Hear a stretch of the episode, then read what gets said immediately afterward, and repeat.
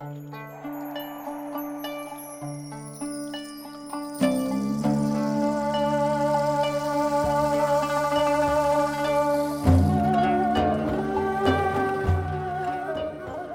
ستار اغفر ذنوبنا واستر عيوبنا وثقل ميزاننا وارحم ناجلينا.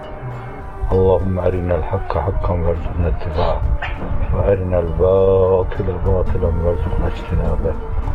وصلى الله على سيدنا محمد وآله وصحبه وسلم. آمين.